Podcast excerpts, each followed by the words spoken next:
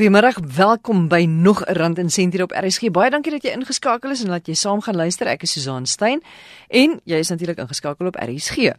Ek het hierdie week iets gehoor wat my ongelooflik verras het. Kan jy glo dat jy iets soos 9 miljoen rand kan spaar oor 'n tydperk van 40 jaar? Dit is nou vandat jy 20 is en jy begin miskien werk totdat jy 60 is en jy wil aftree. Kan jy 9 miljoen rand spaar as jy jou motor op die regte manier koop. So ons gaan vir jou vanmiddag 'n paar wenke gee hoe jy kan spaar op motorkoop. Dan het ons ook ons laaste gesprek in ons reeks oor die belangrike aspekte wat in plek moet wees voordat jy jou eie sakeonderneming begin. Ons gaan vanmiddag kyk na die implementering van jou sakeplan. Maar ons begin gou-gou met iets wat 'n mens ook nie altyd aan dink nie en dit is hoe droogte Ek dink nou veral aan uh, mense daar in Kaapstad wat in so 'n krisis is, hoe droogte jou persoonlike versekerings kan beïnvloed. Het jy geweet dat as jou huis byvoorbeeld afbrand en as gevolg van die droogte is daar miskien nie genoeg water vir jou om die vlamme te blus nie, kan jy dalk nie verseker wees nie. En dan dink ek ook aan mense in die gasvryheidsbedryf wat groot verliese ly van van van kansellasies as gevolg van die droogte.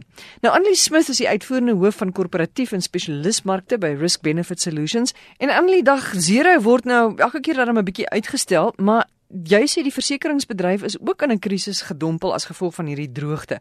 En dan nou julle kliënte ook. Wat is die situasie? Susan, die die grootste situasie op hierdie oomblik is dat ons almal in die Weskaap natuurlik voorberei vir die dag. Maar met die gryp al die kliënte natuurlik nou na hulle polisse toe om te kan sien waarvoor hulle getrek en waarvoor hulle nie getrek nie. So ek dink die grootste skok wat almal nou tref op hierdie stadium is dat droogte is op alle polisse uitgesluit. En die grootste rede hoekom droogte uitgesluit is is omdat dit nie 'n onvoorsiene gebeurtenis is nie want dit kom oor 'n lang termyn. So ons weet nou al vir 3, 4 jaar ons is in 'n droogte en dit is nou maar eers dat dit so erg is. So ongelukkig weet ek geen polis dit nie. En ons kan dit ook nie in enige oorseese land koop nie want die dieselfde uitsluiting is daar geldig ook. Maar aan die geld dit byvoorbeeld vir boere ook wat wat skade ly as gevolg van 'n langdurige droogte. Boere is bietjie anderste. Hulle kan hulle polisse definitief na beperkte dekkings kyk daarvoor. Maar weer eens, dit is nie outomaties dat dit ingesluit is nie. So as ek 'n boer is, sal ek vir my makelaar uit uit uh, vra of dit sal gedek is of nie en indien nie, wat kan hy as 'n boer doen? Wie is die kliënte wat jy nou het sonder nou om julle geheime weg te gee of ja. om oneties te wees? Maar wie is byvoorbeeld die mense wat op die oomblik probleme het en wat is die probleme? Die grootste gevalle wat ons op, hierdie stadium het is natuurlik die toerismebedryf waar die mense konferensies kanselleer. Ek het byvoorbeeld 'n kliënt gehad wat 'n kontrak van 800 000 vir 'n konferensie verloor het oor die watersituasie en hulle kliënt was glad nie bereid om te verstaan maar hulle sal water verskaf en daai dinge nie. Dit vir die kliënte is absoluut blootgestel want almal buite die Weskaap hoor net die ergste. Hmm. En natuurlik maak dit hulle bang. So gaan dan ook vir oorseese toerisme. Jy weet hulle hoor dit, hulle kanselleer, hulle kansellasiefooi is daar altyd 'n persentasie wat moet terugbetaal word voor 'n sekere tyd, maar hulle kan byvoorbeeld nie van daai verliese enigsins by die versekeraars terugeis nie. So dis die een kategorie. Die ander kategorie is die manufacturing maatskappye wat baie water gebruik. Jy weet so baie mense het nou opgekom met baie kreatiewe oplossings in terme van hoe kan 'n mens grijswater gebruik in jou masjinerie en so meer, maar daar is ook wel maatskappye wat nie kan grijswater gebruik nie en moet 'n hele paar prosesse in plek stel sodat die grijswater nog verder kan suiwer.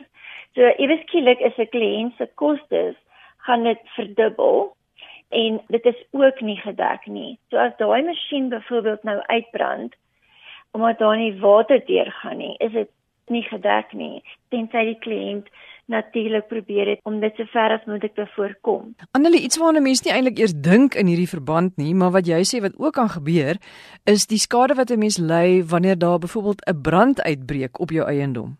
Die versekeraars op die huidige oomblik sê dat as daar byvoorbeeld 'n brand uitbreek en as gevolg van die verlaagde druk in ons waterstelsels in die, in die Weskaap en ons kliënt het alles gedoen wat hy moes doen. So hy het het ekstra brandblussers gekoop. Hy het ekstra brandslange opgesit, alles om daai moontlike klein brand wat begin te kan stop.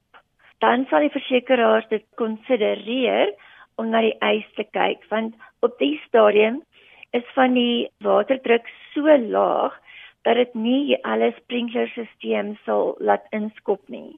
So die versekeraar sê ek verstaan dit, maar op hierdie huidige oomblik as jy nou net gaan terugsit en sê o wel, ek het nie genoeg trekking nie en ek gaan my versekeraar eis as my my gebou afbrand dan gaan hulle uitnare nog meer wakker word. Mm -hmm.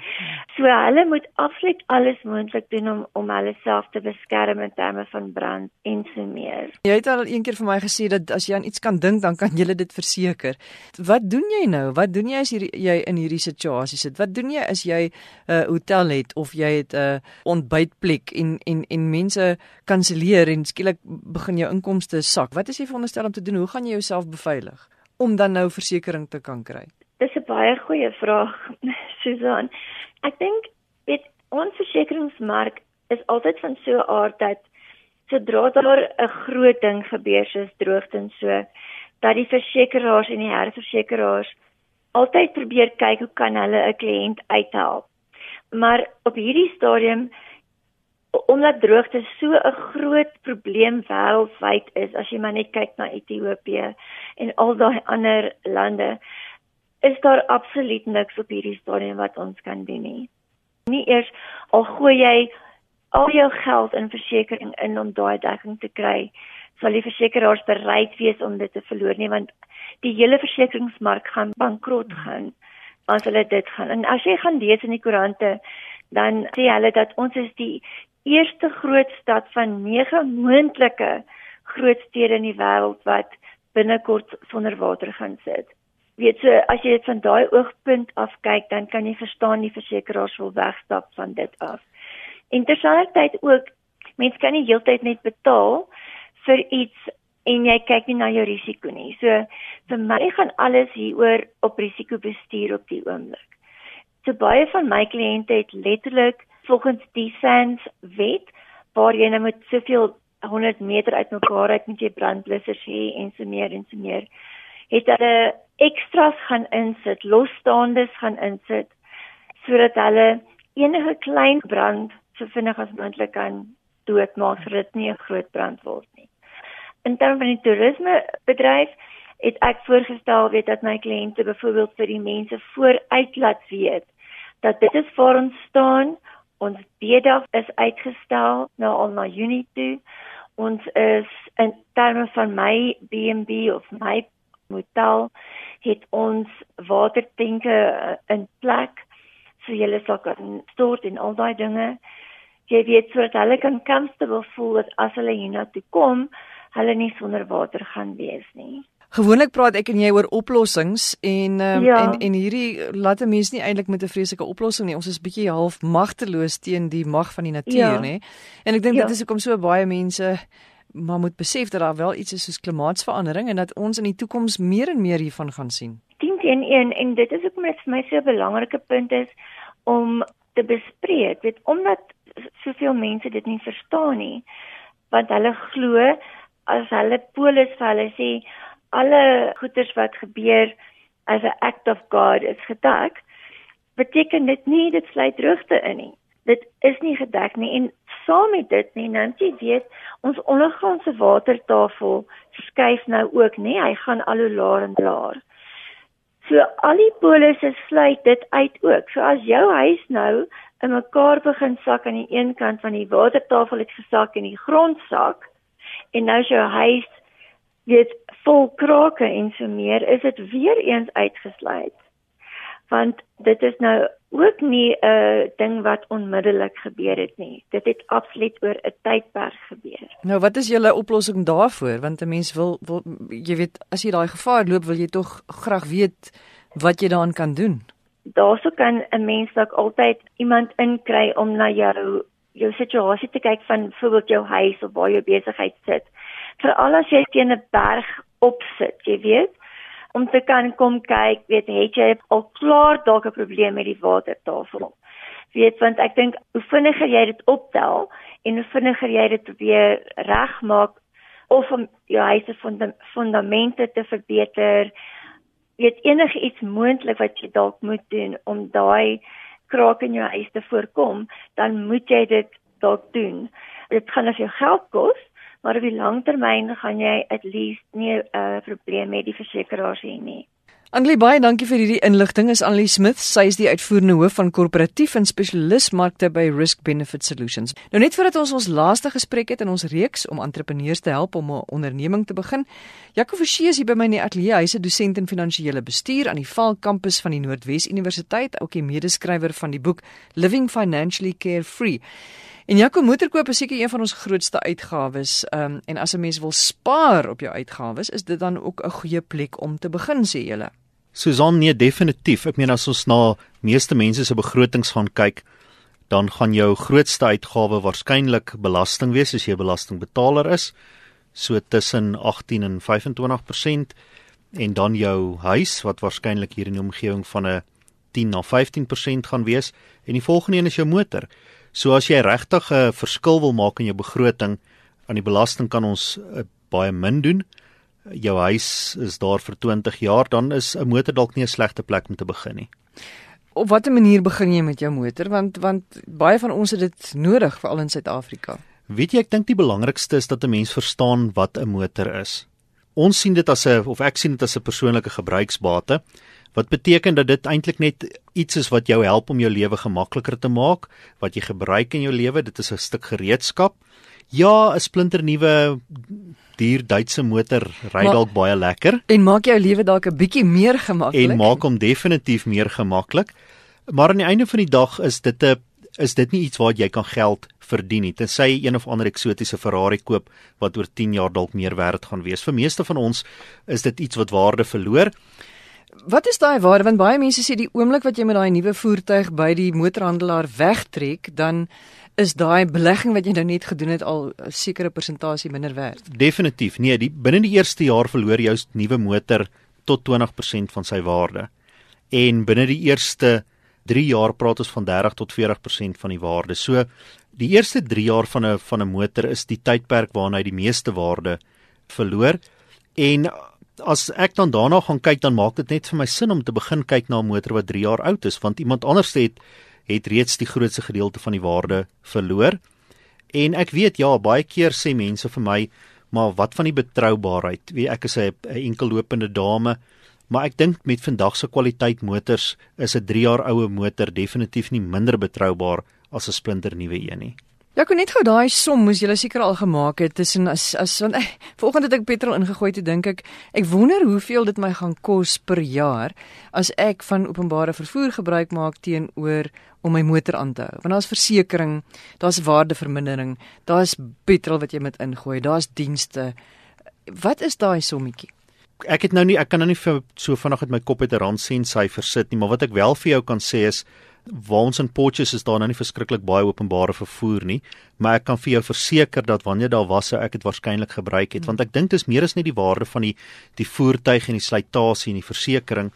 Ehm um, dit gaan ook oor effektiwiteit van jou tyd. Ek meen as jy nie voor die um, of agter die stuur hoef te sit en ek dink die ouens hier in die stad is is baie meer blootgestel daaraan nie.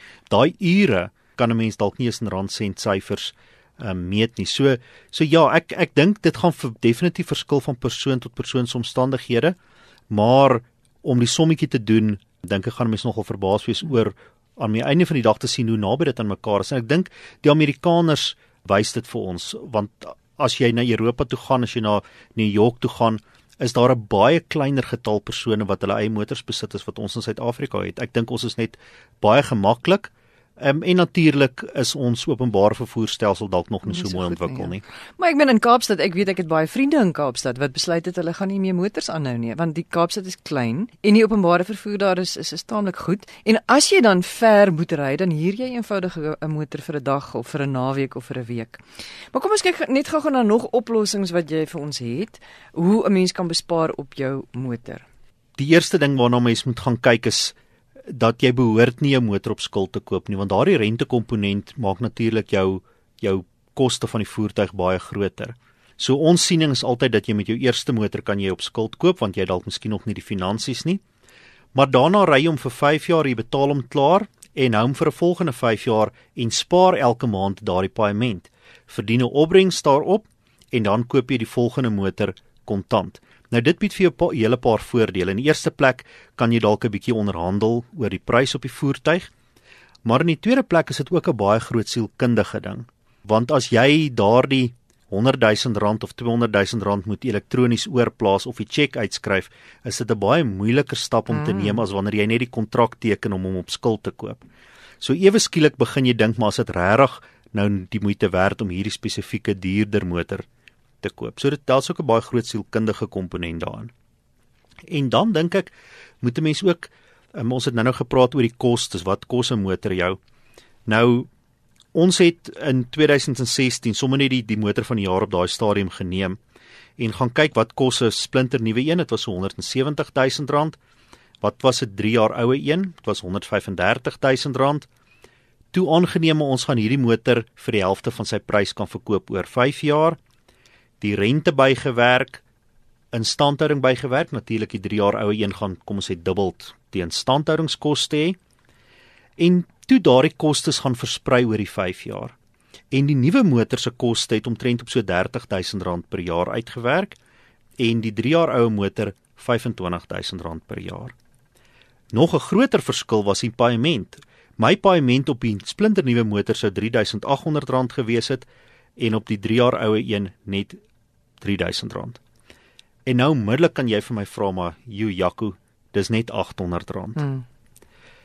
Maar ek dink dis waar ons dit vergeet. As ek vir die res van my lewe elke 5 jaar hierdie nuwe motor koop en 'n R800 duurder paaiement betaal en ek doen dit vir die volgende 40 jaar in plaas daarvan om eerder die R800 per maand te belê maak dit 'n 9.5 miljoen rand verskil oor die volgende 40 jaar. Sjoe, so jy kan in 40 jaar 9.5 miljoen rand spaar eh, deur 'n uh, 3 jaar oue motor te ry in plaas van die nuwe een. Ja, dit maak baie sin, hè.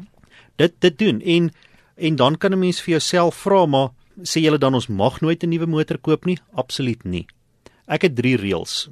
Ehm um, as iemand my ooit vra maar mag ek dan nie 'n nuwe motor koop nie. Nommer 1 is is al jou versekerings in plek sodat jy al jou onvoorsiene gebeure kan dek. As jy daai blokkie tik, dan vra jy vir jouself, spaar ek genoeg vir my aftrede? As jy dit doen, dan is die derde blokkie, kan ek dit bekostig? Kan ek die maandelikse paaiement bekostig?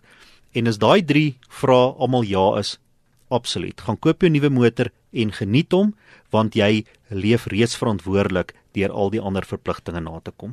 Jaco baie dankie vir jou goeie raad en dit is Jaco Forsie. En Jaco is 'n dosent in finansiële bestuur aan die Vaal kampus van die Noordwes Universiteit. Hy is ook die medeskrywer van die boek Living Financially Carefree. Jy luister na Rand en Sent hier op RSG, ons laaste gesprek van die middag en dan ook ons laaste gesprek in ons reeks oor belangrike aspekte om in gedagte te hou as jy entrepreneur is en jy wil 'n nuwe onderneming begin. Nou die eerste gesprek het ons gehad op die 11de Maart. Het ons gepraat oor 'n sakeplan wat jy moet skryf, hoe belangrik daai plan is en dis iets waarna dis amper soos 'n padkaart waarna jy altyd kan terugkeer as dinge vir jou 'n bietjie eh, grys begin raak. Dan het ons gepraat oor die navorsingsaspekte en ons het ook gekyk na die strategie wat jy moet uitwerk nadat jy jou navorsing gedoen het. Natuurlik vandag kyk ons in ons laaste praatjie oor na die implementering van hierdie sakeplan van jou. Dr Gerard van Wyk is 'n bemarkingskundige wat spesialiseer in die ontwikkeling van nuwe geleenthede met spesifieke fokus op entrepreneurs en hy is ook die skrywer van die boek What's Your Plan. Nou Dr van Wyk, kom ons kyk dan nou vanmiddag na die implementering van hierdie plan en navorsing en strategie hierdie hele lang proses uh, voordat jy jou onderneming begin. Baie belangrik. Partymal uh mense wat 'n plan saamstel, wanneer dit by die implementeringsgedeelte kom, dan wil hulle so half terug staan en sê ek het die plan bymekaar gestel as iemand anders se funksie om die plan te implementeer. Ongelukkig werk dit nie so vir 'n entrepreneur nie. Dis jou plan, jy's deel van die implementering, jy moet dit dryf totdat jy die sukses behaal wat jy jou intensie was met die plan van die begin af. So die eienaar van die plan is verantwoordelik vir die implementering van die plan. Nou wat baie maal gebeur in groot organisasies is dat die mense wat die plan saamstel is so ver verwyder van die persone wat die plan implementeer mm -hmm. dat daar 'n uh, uh, verbreeking van kommunikasie is. So wie ewer die plan moet uitleef is nie bewus van wat die intensie van die plan is. En ons sien dit dikwels in groot organisasies waar daar op 'n uh, uh, hoë vlak planne saamgestel word, maar daar word nie moeite gemaak om daardie detail met die mense wat dit moet gaan uitleef te deel nie. En dan is daar 'n disconnect in terme van wie moet wat doen, waarom doen ons dit en hoe lank gaan dit vat om dit te doen. So dis baie belangrik wanneer ons ons plan implementeer dat ons ons doelwitte deel met die span wat dit gaan doen. Kry almal aan boord Hoe meer mense aan boord is en hoe meer mense in ons plan inkoop, hoe groter is die uh, is die is die kanse vir ons om sukses te hê met die implementering van die plan. 'n Baie eenvoudige metode is kommunikasie. Ons moet kommunikeer wat is in die plan. Ons moet duidelik en spesifiek wees van wat is in die plan en ons moet duidelik en spesifiek wees van wat die verwagting is van almal wat aan die plan deelneem. Dan baie belangrik ook is natuurlik uh, wat hulle sê uh, incentive and reward met ander woorde, hoe gaan ons hierdie mense en die span vergoed om deel te wees van ons plan met die uitvoering van ons plan. Baie belangrik, ons moet vir onsself uh soos in 'n voertuig het ons ons uh ons uh, instrument teel uh, paneel wat vir ons presies sê die goed waar waarop ons moet fokus. Met ander woorde, het ons brandstof in die tank? Hoe ver kan ons ry? Uh, die olieliggie het nog nie aangekom nie. So almal moet weet wat is die spesifieke instrumente en spesifieke indikators waarna ons kyk wat 'n mate van sukses van ons plan aandui. En dan is dit baie belangrik wanneer ons die plan begin implementeer dat ons op 'n gereelde basis almal na dieselfde inligting kyk en vooraf gedefinieer het wanneer klassifiseer ons die implementering van ons plan as 'n sukses en wanneer nie. Met ander woorde dat daar nie 'n debat is rondom ehm um, jaag ons volume of jaag ons winsmarge of jaag ons markandeel nie. Almal moet weet presies wat dit is wat ons jaag. Wat ek wil nou juist vir jou vra, wat is hierdie wat sal hierdie aanwysers wees hmm. in 'n in 'n maatskappy om te weet ons ons is op die regte pad of nee, o hier's groot fout. Ja, ek dink van 'n finansiële oogpunt af uit die aard van die saak kyk ons gewoonlik na, jy weet, ons omset in terme van ons verkope wat ons gekry het.